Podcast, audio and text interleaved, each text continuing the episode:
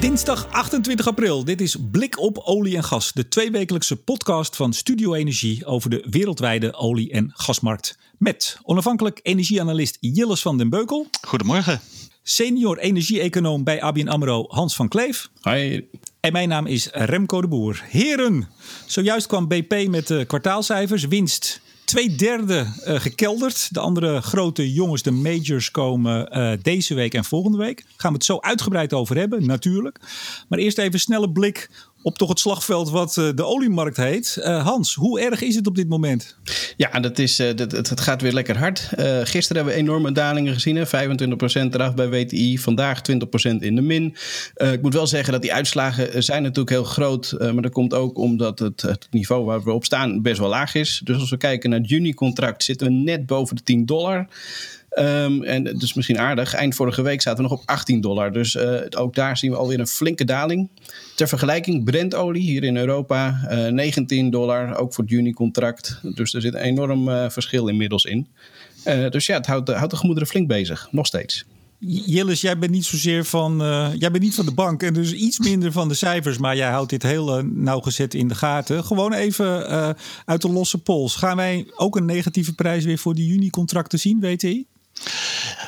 Um, nou, ik denk dat het met het juni-contract iets anders zal gaan. Bij het mei-contract hebben een boel mensen gewacht tot het laatste moment. Toen hebben ze verschrikkelijk hun uh, vingers gebrand. Ja, en, en uh, een ezel stoot zich in het gemeen niet twee keer enzovoort. Dus je ziet nu al een boel partijen afscheid nemen van het juni-contract. En in een vroeg stadium verder doorrollen. Dus het zit er een beetje aan te komen dat dat juni-contract straks maar hele dunne handel heeft. En dat de kans dat het op het allerlaatste zo erg misgaat, min 40, ja, misschien wat kleiner is geworden, maar uh, nog steeds uh, bestaat hoor. Van uh, wij zitten nog steeds met hele grote overschotten en vollopende opslagen. Deze maand mei is de spannendste maand eigenlijk. Nou, ik denk ook dat inderdaad de komende drie weken wordt super uh, volatiel en, en interessant. Uh, of tenminste voor ons dan. Uh, maar ook in, in mei waren de volumes best wel wel laag. Hè? Dat, dat de mensen die echt voor de, normaal gesproken in de financiële markt het als een financiële positie zien, die zijn dan al doorgerold. Dus de handelaren zijn er dan al lang ja. uit. wat je wel ziet is inderdaad dat ETF-funds, die bijvoorbeeld het mandaat niet hadden om al eerder door te rollen, nu heel druk bezig zijn om dat wel te doen. Dus ik verwacht ook, hoewel de kans niet uit te sluiten valt. Uh, dat, dat we inderdaad al eerder zien. Uh, en dat zorgt ook een beetje voor de druk op dit moment. Dat, dat gewoon grote uh, ja, fondsen en indices hun posities nu al aan het doorrollen zijn naar toekomstige contracten. Dus dat geeft extra druk op dit moment. Maar dat zorgt ervoor dat ja, de kans op negatieve prijzen aan het eind van, van, van dit contract, dus wat is het, 19 mei, dat dat kleiner is geworden. Hans, wij hebben heel veel luisteraars inmiddels er ook weer bij gekregen. Dat zien we ook aan de reacties die iets minder in, de, in het technisch jargon zitten. Eén, wat is een ETF? Uh, dat is eigenlijk een, een soort hedge fund die, die, uh, ja, die, die speculeert uh, op, op in dit geval olieprijzen. En wat is doorrollen? Doorrollen is dat je je positie zeg maar van het ene contract sluit en ja, doorrolt, zeg maar opnieuw opbouwt in het volgende Ja, leg dat contract. maar eens uit aan de leek, hè? Ja, dat, dat, dat, is niet zo makkelijk. Het is ook wel fijn dat je dit van tevoren even aangeeft, zodat ik dat goed kon voorbereiden. ja, dat is wel goed om even te zeggen. Wij bereiden, uh, nou, we bereiden een beetje de onderwerpen voor, maar verder niet te vragen. Uiteraard niet. Jilles, uh, ja, Chesapeake, Chesapeake Energy. Vertel, ja. wat, wat is er? Die staan op omvallen, hè? En wat, wat, is, voor, wat is dat voor bedrijf? Uh, nou, dat is een van de grotere schalieoliebedrijven.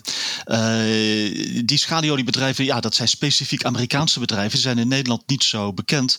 Maar dit zijn uh, ja, grote, stevige jongens met grote, stevige productie. En een, een, een nog grote en stevigere schuld. Ja, dus, 10, 10 miljard en een marktwaarde nog van een paar honderd miljoen twitterde jij gisteren. Ja, nou, dat, en de dat gaat obligaties die doen ongeveer tussen de 5 en 15 procent van hun nominale waarde. Dus dat geeft al een beetje aan. De markt schat in dat dit bedrijf op een, een hoog risico van uh, failliet gaan heeft. Chapter 11 op zijn, uh, op zijn uh, Amerikaans. Ja, nou, nou de, Nee, sorry, ga door. nou ja, dat, dat zat er al geleidelijk aan te komen. Vorig jaar ging dat al heel slecht met die bedrijven. en nu zie je de een na de ander omvallen. afgelopen jaren was dat een, een heel klein stroompje, een trickle. Nou, en nu gebeurt dat steeds vaker. Een paar weken geleden Whiting. En nu ja, is de verwachting in de markt toch wel, als die koers zo laag staat. Hij staat op 1% van wat hij van een paar jaar geleden stond, hè, de aandelenkoers. Dus dat, ja, de verwachting in de markt is, dat duurt niet lang meer.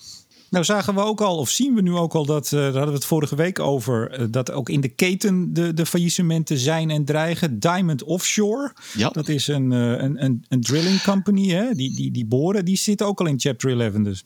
Die zitten nu ook sinds, ik geloof maandag in, in, in chapter 11. waar, en dan ben je trouwens behoorlijk beschermd tegen je schuldeisers in de VS. Hè? Dit soort bedrijven die stoppen dan niet met hun activiteiten.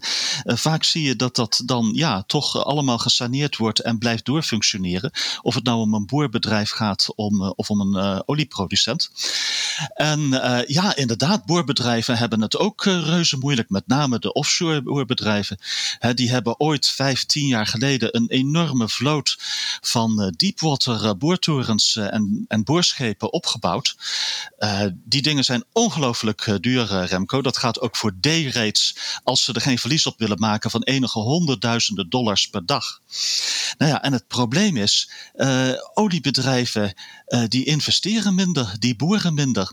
Dus de bezettingsgraad voor die, uh, dat soort deepwater drillships, ja, die ligt op 40 of 50 procent of zo. En dat betekent dat de tarieven die zij kunnen vragen, ja, veel, heel, heel erg laag zijn. Dat betekent dat dit soort bedrijven verlies maken. En ook die, daarvan zijn de aandelenkoersen de laatste paar jaren enorm gekelderd. als je Ah, ja, nee, ik wou, ik wou even naar Hans gaan als je het goed vindt. Ja, want, zeker. Uh, nou ja, nee. Uh, jij twitterde, Jilles, een, een, mooi tweetje. En ik wil even Hans zijn reactie daarop vragen. De, van de vier grootste uh, offshore drillers... die hebben voor ik weet niet hoeveel miljard aan spulletjes staan. Dat is nu, zij zijn met z'n vieren nog maar 1 miljard waard. Hans, is dit niet iets voor ABN AMRO om leuk in te stappen? ja, wellicht. Maar misschien ook niet. Uiteindelijk, ja, geen idee. Dat is niet, niet aan mij. Ik zit gelukkig niet in de business. Dus dat, daar hoef ik ook geen mening op te hebben. Nee, maar we, zien natuurlijk nu dat er uh, in die olie- en gaswereld heel veel bedrijven uh, nou, eigenlijk bijna niks meer waard zijn. Dit is natuurlijk wel de tijd en we halen het even weg bij ABN AMRO, maar dit is wel de tijd om koopjes te scoren, toch? Nou, het is denk ik sowieso de tijd om, om eens te kijken naar die sector. Kijk, uiteindelijk, uh, wat Jillis ook aangeeft, er is een enorme capaciteit. Dat, dat is al een paar jaar. Uh, terwijl de, de, ja, de investeringen, uh, zeg maar, de, de, de activiteiten staan behoorlijk onder druk. En dat, dat is niet 1, 2, 3 weg. Maar die capaciteit is er nog wel. Dus zolang die markt daarin gefrustreerd is, ja, dan, dan is een herstel ook heel lastig. Jillis, de opslagcapaciteit gaan we het even over hebben. Dat is eigenlijk natuurlijk een terugkerend uh, fenomeen. Uh, ik twitterde gisteravond nog een, uh, een videootje van de Amerikaanse kustwacht... wat ze gemaakt hadden van 27 uh, behoorlijk grote tankers die voor de Zuid-Californische kust liggen. Ah, je, hoeft, opslag, je hoeft niet eens zo ver weg te gaan, Remco, voor Hoek van Holland. Nee. Ziet het er ook zo uit, begrijp ik. Ja, wat ligt, er, wat ligt er ongeveer? Waar hebben we het over? Nou ja, toch, toch meerdere tientallen tankers die daar liggen. Ook op de Noordzee. Ja, maar en inderdaad die ook. Gewoon als, als opslag, hè? nou, als opslag of om te wachten dat ze naar een raffinaderij toe kunnen varen. Want ja, die raffinaderijen die zitten ook vol met hun opslagcapaciteit. Dus het is of opslag of wachten op dat ze kunnen lossen. Je had het net even over de, de dagprijzen. Maar ik begrijp dat die, als jij nu tankers hebt, als je in de tankerbusiness zit, dan, dan ben je in bonus. Hè? Dan stroomt het geld binnen. Of je nou in opslagtanks zit of in, in, in, tankers, in grote tankers, maar ook in kleintjes hoor. Ik zie foto's van wat er voor mij uitziet als binnenvaartschepen, die nu ook daarvoor gebruikt wordt. mensen zijn echt overal bezig om ja, af te speuren naar het laatste beetje capaciteit. Ja. Hans, heb jij nog wat leuks in de tuin staan waar je nog wat kwijt kan? Nee, helaas niet. En dan nog, uh, ik bedoel, we zitten niet in Amerika waar WTI verhandeld wordt in, in duizend vaten of in contracten van duizend, uh, duizend vaten. Uh, Brent, dat, dat gaat in vele grotere volumes. Dus daar is mijn tuin veel te klein voor. En jouw balkonnetje ook, denk ik. Uh, en samen redden we het ook niet. Dus helaas. uh, Jellis misschien, die heeft een grotere tuin. Ja, ik, ik kom een eind hoor. Ja, ik ben, daar, ik ben daar nog niet zo lang geleden geweest. Jij kan, jij kan wel wat kwijt. Maar nu weer serieuze zaken, heren. Um, de, Trump-administration, meneer Trump, de, de Donald. Uh, die probeert van alles te doen in Amerika om, uh, om toch in ieder geval de ontslagen te, te beperken. Het aantal ontslagen. Ik begrijp, uh, dat hij niet zo heel veel kan doen als het gaat over steunmaatregelen van de Federal Reserve. Um, zie je er al iets van dat er toch steun is of komt? Of is het toch maar een beetje veel retoriek van Trump en kan hij gewoon niet zoveel? Nou, hij zal vast wel met iets komen. Want ja, dit is voor hem toch belangrijk. Ook met de verkiezingen van uh, november uh, in, het, in het vooruitzicht. Maar inderdaad echt substantieel de zaak veranderen, ja, dat is moeilijk. Hij kan wat olie uh, kopen voor de strategische reserves. Maar ja, dat zijn geen echt grote volumes. Dat zet niet echt zoden aan de dijk. Ja, hij kan proberen uh, oliebedrijven te steunen. En hij heeft zijn eh, minister van Financiën, Mnuchin, heeft die opdracht gegeven om daar een, een, plan voor te maken. Dus ja, zoals wij KLM steunen in Nederland, zie je straks misschien Trump schalieoliebedrijven steunen of, of, of, of, of boerbedrijven. Maar ja, dat, dat blijft toch een beetje een, eh, een druppel op de gloeiende plaat. Dat gaat niet echt de zaak fundamenteel uh, veranderen, denk ik. Het zorgt ook niet voor hogere productie natuurlijk. Want ik bedoel, je kan het bedrijf wel overeind houden, maar het probleem van een gebrek aan opslagcapaciteit blijft. Dus ze zullen even goed uh, de productie moeten staken. En de enige is ja, dat, uh, dat, dat, dat die mensen doorbetaald krijgen. Ik hoorde zelfs dat er wordt gedacht aan, kun je olie kopen die nog in de grond zit, bijvoorbeeld. Dat vond ik wel een grappige, want ja, dan is het nog maar een uh, kleine stap naar uh, een aandeel nemen in zo'n uh, in zo'n schadeoliebedrijf. Ja, je gebruikt de aarde dus gewoon als opslagvat. ja, als we strategische reserves gebruiken, nu al zoutkoepels bijvoorbeeld, om, om olie op te slaan. en als je het in tanks kunt doen, nou ja, dan kun je ook zeggen van als je het in een geologisch reservoir laat zitten, dat is dat ook een vorm van opslag. Een jurist weet daar vast wel wat voor te bedenken. Maar in feite hoeft dat niet, want dat is financieel al geregeld. Als je een future neemt die verder in de toekomst ligt, koop je in feite olie eh, die nog in de grond zit. Kijk. maar die, strategische reserve, daar wordt nu inderdaad daar wordt wat uh, bij, bijgevuld. Hè? Er zijn wat, uh, wat leasecontractjes afgesloten. Volgens mij wel, ja. ja. Maar ja, dat, dat blijft uh, vrij uh, beperkt. Uh, wat dat betreft, ja, China zou daar ook het een en ander kunnen doen. En die doet ook het een en ander daar. Die, die proberen toch ook hun substantiële reserve ja, behoorlijk vol te krijgen nu. En uit te breiden, want ze, ze hadden 90 miljoen vaten strategische reserves in China als, als doel. Maar er gaan geruchten dat ze dat willen oprekken naar 180 dagen.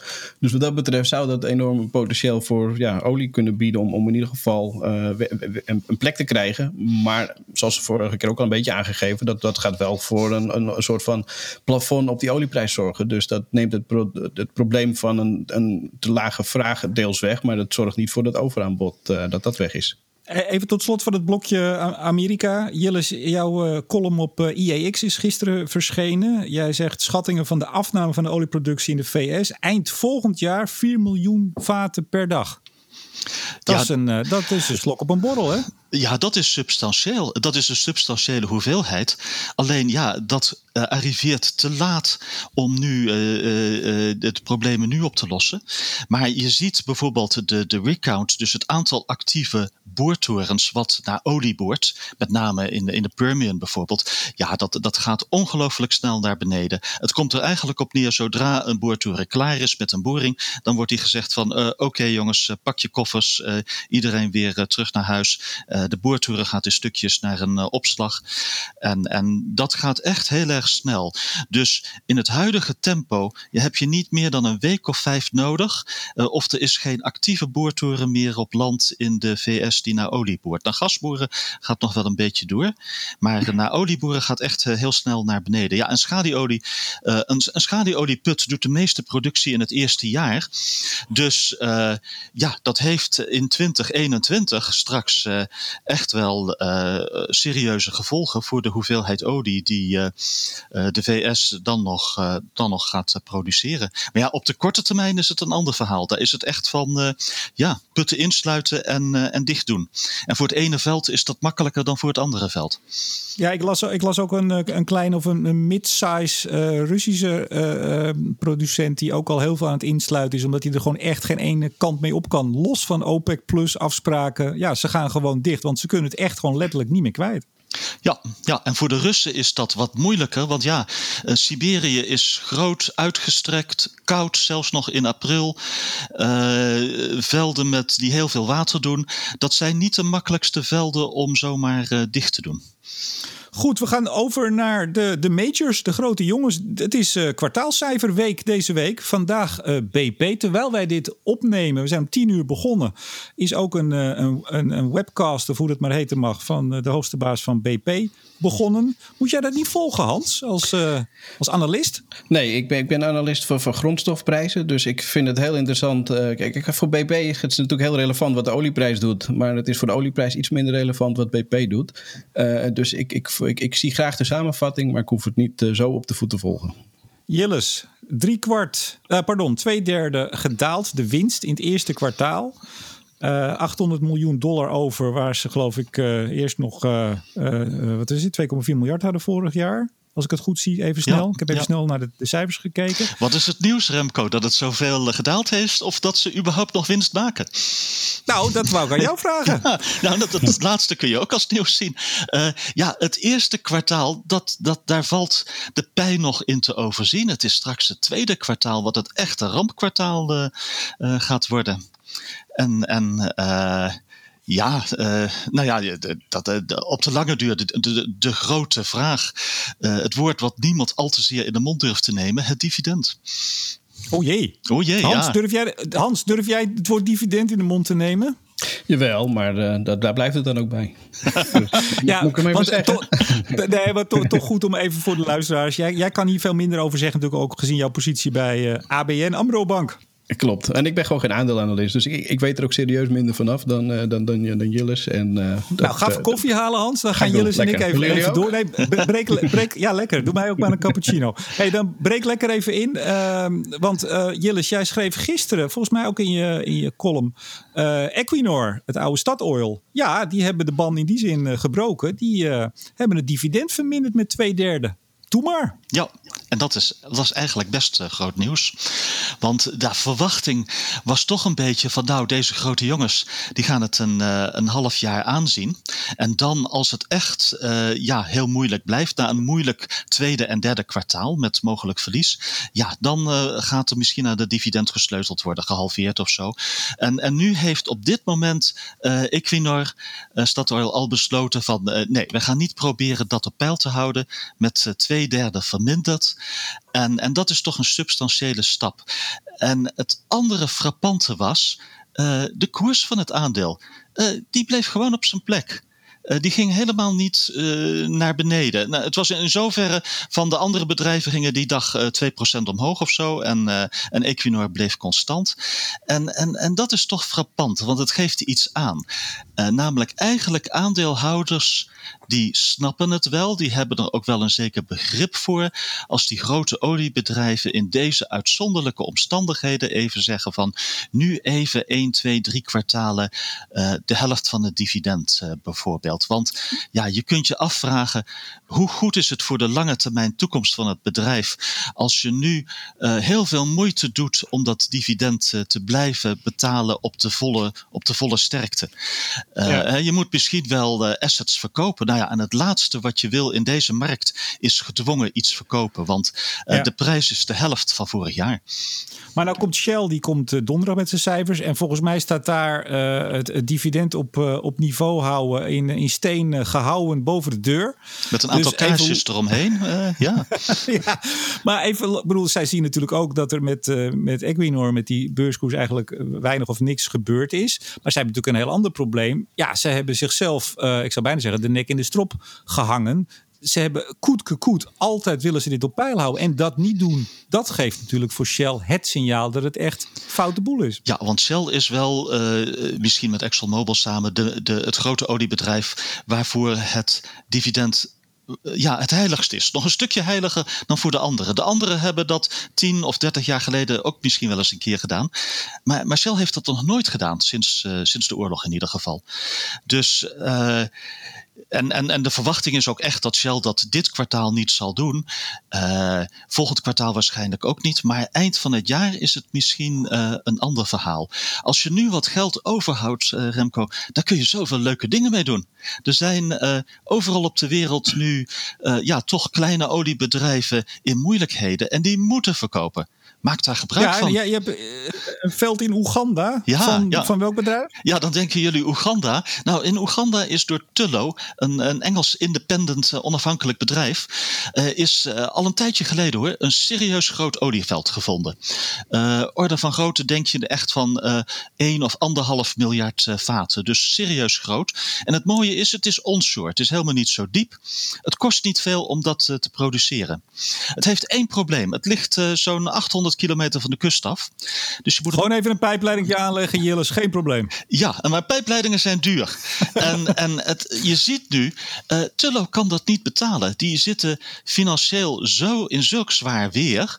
Uh, die, die, redden dat niet om dat te financieren. Dus die verkopen de boel? Die verkopen de boel voor een kwart wat het vijf jaar geleden opgebracht zou hebben en voor de helft wat het vorig jaar opgebracht zou hebben. En dat weten we ook, want vorig jaar was er bijna een deal. Was de koopprijs al bekend en dat uh, ketste op het laatste moment af. En die was bijna twee keer zo hoog als waarvoor het nu weggaat. Ja, maar, maar Jellis, denk jij dat de, de majors, en nogmaals, we, krijgen de cijfers van Exxon en Chevron vrijdag, totaal volgende week. Uh, denk je dat die nu de wereld aan het afstruinen zijn voor dit soort koopjes? Absoluut, Remco. Die hebben teams daarop zitten en die kijken wereldwijd van waar zitten de krenten in de pap. Alleen de vraag is, durven ze het ook echt aan als het puntje bij het paaltje komt? En Totaal heeft een zekere reputatie daar dat ze dat wel durven. Ze hebben drie, vier jaar geleden, uh, eind 2016, hebben ze bijvoorbeeld uh, Maersk Oil en Gas overgenomen. Dat uh, kwam op de markt. Daar hebben alle grote majors echt serieus naar gekeken, want dat was een serieuze winstmaker, Maersk Oil and Gas. Ja, en het is uh, Totaal die daar heeft toegeslagen voor uh, achteraf toch een hele lage prijs. Hans, ben je al terug van de koffie? Ja, net. Mooi. Goed zo. Was het lekker? Heerlijk. Hey, waar, kijk jij nou als, uh, als analist in jouw deel van het spectrum uh, naar uh, bij, die, bij die presentatie van die cijfers? Want ze komen, wat ik zeg, hè, ze komen de komende dagen in volle vaart van ja. alle majors. Waar, waar let jij op? Nou, het meer, meer de grotere trend. En inderdaad, de investeringen. En, en ja, investeringen in, in, in nieuwe winning. ja, dat, dat is uiteindelijk zeg maar een, een, een bepalend of mede bepalend voor de olieprijs in de, in de toekomst. En het is trouwens niet alleen olie, geldt voor gas hetzelfde verhaal. Uh, want zeker die majors die, die doen natuurlijk ook steeds meer gas. Dus daar zien we eigenlijk hetzelfde effect. Uh, dus dat is eigenlijk het, het, belangrijkste wat ik eruit vis. Uh, ja, dat eigenlijk. Hierover, Jillis, tot slot. Waar, waar let jij echt op de komende dagen? Waar zit jij voor in de aanslag achter jouw toetsenbord? Nou, niet alleen komende dagen, maar komende weken komen er meer van dit soort deals. Als die deal in Oeganda. Uh, is er enig signaal dat uh, een van de majors toch uh, iets gaat morrelen aan het, aan het dividend? dat, soort, dat soort dingen eigenlijk. Want ja, nu, ze gaan allemaal met hun investeringen omlaag. die ze aankondigen. Maar het is heel uniform. Er zit heel weinig variatie in. Ze gaan allemaal ongeveer 25, 30 procent omlaag met hun investeringen. Uh, ja, heel eenvormig. Hans, we zagen vanochtend, althans ik zag het vanochtend, het werd door Tom van der Lee werd het getwitterd, uh, GroenLinks Kamerlid, over Frankrijk. Je moet het maar even gaan uitleggen. Over Frankrijk, die willen een minimum ETS-prijs. Uh, ja. In verband ook met de dalende olieprijs. Ja, snap jij het nog? Ik snap dus, het niet. Nee, precies. Nou, het, het, het, slaat ook eigenlijk nergens op. Uh, sowieso, als je kijkt. Sorry? Oh. Nee, nee, ga maar. Nee, ik, ik bedoel, uh, olie, dat, dat gebruiken we niet voor de opwek van elektriciteit. Hè? Dus dat deel, dat, dat is al onzin. Uh, zeker niet in Europa hier. Dus, uh, waar, en in de industrie gebruiken we natuurlijk wel olie. maar dat valt onder het ETS. En dat, dat, dat, dat is al marktgestuurd. Dus ja, dat, dat effect is zeg maar niet nodig. Hooguit dat je zou kunnen zeggen, we hebben een prijs nodig, een minimale prijs voor het niet-ETS deel. dus ja, ik, ik, ik vond het eigenlijk een beetje een beetje rare, rare oproep. Maar was het, was het artikel nou een beetje raar? Of was het, uh, want ik heb de onderliggende stukken, moet ik erbij zeggen, nog niet kunnen lezen. of is wat... Het artikel was best wel kort en zei eigenlijk van we hebben een negatieve olieprijs gezien. We hebben elektriciteitsprijzen die af en toe negatief gaan. Dus we moeten een minimale uh, prijs hebben voor CO2. Ja, nou, ik, ik, denk dat je dat niet zo 1, 2, 3 kan stellen. Uh, sowieso, als je kijkt naar het ETS, het is natuurlijk een, een politiek systeem, maar met marktwerking. En dat is al lastig, want die begrijpen elkaar niet zo goed. En ik, ik vergelijk altijd het ETS met, met een soort van marathon. Een marathon is 42,195 kilometer. En het ETS loopt van 2005 tot 2050. Een ETS is eigenlijk bedoeld uh, dus om, om CO2-rechten uh, of CO2-uitstoot te verlagen, zodat we de Parijsdoel halen in 2050. Tot zover helemaal duidelijk. Nou, die looptijd van 42 kilometer versus 45 jaar is ongeveer gelijk. Dus je zou kunnen zeggen, die, die vergelijking gaat wel aardig op. alleen wat je nu doet, is tussentijds proberen die, die spelregels te veranderen. Nou, dat kan, maar dan moet je niet, zoals meneer Van der Leen nu zegt, van alleen voor Nederland met een nationale heffing, uh, het voor, voor Nederland moeilijker maken ten opzichte van de rest. Ik bedoel, als je de finishlijn eerder legt, prima. Als je zegt van we gaan de spelregels tussentijds veranderen, ook prima. Maar dat doe je dan wel voor alle deelnemers, niet voor eentje. Die zeg je hier ja, we, we, hebben vrijdag, afgelopen vrijdag hebben we gezien, de, eh, ter consultatie is de wet CO2-heffing industrie gelegd. Hè? Daar heb je het ja. over. Ja, precies. En, en dit is eigenlijk een beetje in het verlengde. Alleen nu roept Frankrijk het dan. Als jullie met z'n allen iets, iets willen aanpassen, dat is prima. Maar doe dat dan ook met z'n allen. Dus een minimale CO2-prijs kan werken. Is niet nodig, hè, want je hebt het uiteindelijk uh, focussen allemaal op het einddoel. Maar stel, we willen toch die, die, die spelregels veranderen. Dat kan, maar doe dat dan voor z'n allen. Jillis, heb jij er nog naar kunnen kijken? ja, ja ik heb er naar gekeken. Ja, mijn, mijn, mijn uh, gedachte daarbij is: als je iets wil doen voor het klimaat, verminder dan de hoeveelheid emissierechten. Uh, en als je iets uh, wil doen voor het budget, ja, dan kun je een minimumprijs invoeren. Dus dat geeft een beetje aan hoe ik er tegenaan kijk. Sorry, voor, voor welk budget? Voor het welk staatsbudget. Budget? Want kijk, maatregelen om het klimaat te helpen. Kijk, belastingmaatregelen zijn impopulair, maar als het is om het klimaat te, te helpen, nou ja, dan, dan kom je er nog misschien mee weg. Ja, ik zie dit als het kwartje van Macron. Kijk eens aan. Uh, Hans, we gaan afsluiten. Eén uh, vraag die jij volgens mij best wel vaak krijgt de afgelopen tijd. En ik hoop dat je hem kort kan beantwoorden. Waarom daalt die benzineprijs toch niet verder? Nou, dat is uh, heel makkelijk. Omdat olie is slechts een derde van de benzineprijs. Uh, we hebben accijns op een benzineprijs die is al 81 cent. Daar gaat BTW overheen, dus dan zit je al zo wat op een euro. heel veel lager dan dat gaan we dus nooit. Um, en uiteindelijk is direct daar wel een beetje uit. Dus we zien de, die daling in de olieprijs is redelijk verwerkt in de benzineprijs. Zijpelt nog een klein beetje door, maar dan houdt het wel een beetje op. Jillis, jij, jij, schreef in jouw column uh, op IEX een, vond ik wat uh, sombere alinea. En die gaat erover dat de, de, de aandelenprijzen, zijn, de beurzen zijn wel weer wat gestegen. Zo'n 20% op zijn dieptepunt. En toen trok jij de vergelijking, of trek jij de vergelijking met de grote crash in oktober 1929. Uh, toen de koers in begin 30 eerst met 40% steeg, toen met 80% daalden. Ik werd er somber van, Jillis. Vrolijk mij op, alsjeblieft. Uh, nou ja, uiteindelijk is het goed gekomen, Remco. Het duurde alleen 25 jaar.